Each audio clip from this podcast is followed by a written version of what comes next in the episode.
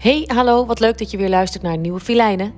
Deze keer schreef ik de brief aan een dame die euthanasie had laten plegen. Ze was ernstig ziek en deze brief heb ik geschreven in een tijd dat de discussie over het faciliteren van euthanasie oplaaide. Zover dat zelfs bij Matthijs van Nieuwkerk aan de tafel bij De Wereld Draait Door gesproken werd over dit onderwerp. Lieve, bijzondere vrouw. Je bent beroemd. Je bent beroemd en je weet het niet eens. Je weet het niet eens omdat je er niet meer bent.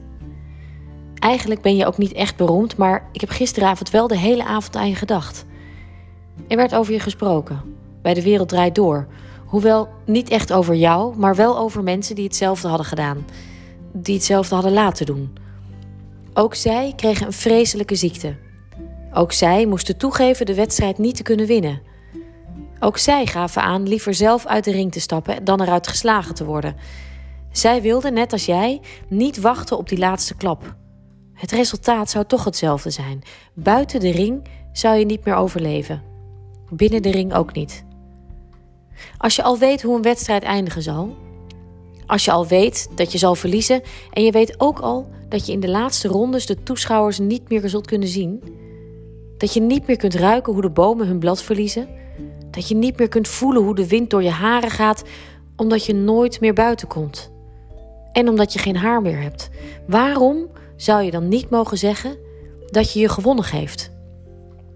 Waarom zou je dan niet mogen zeggen dat je het laatste restje eer aan jezelf houdt?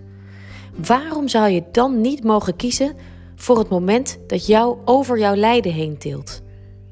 Waarom mag je dan niet overlijden? Gelukkig mocht jij daar zelf voor kiezen. Gelukkig woonde jij in een land waar je prachtig werd begeleid en waar je omringd door jouw lievelingen het leven mocht verlaten.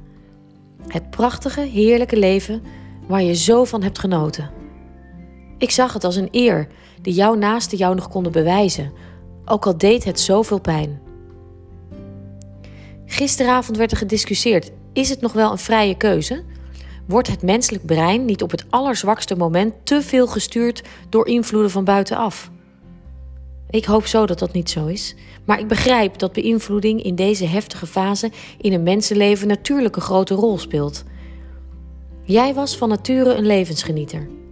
Je zag het mooiste in de kleinste dingen. Je kon genieten van een dauwdruppel op een zomerbloem.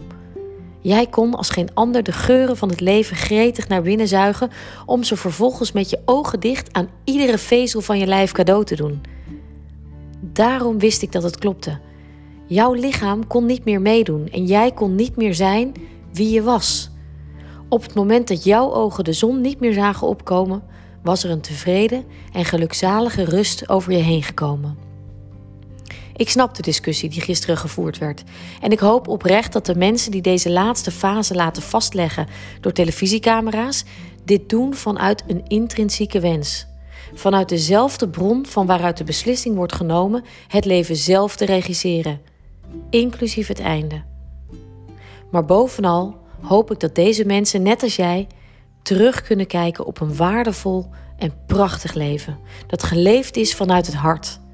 Want als je leeft vanuit je hart, sterf je met een groot geschenk in je ziel.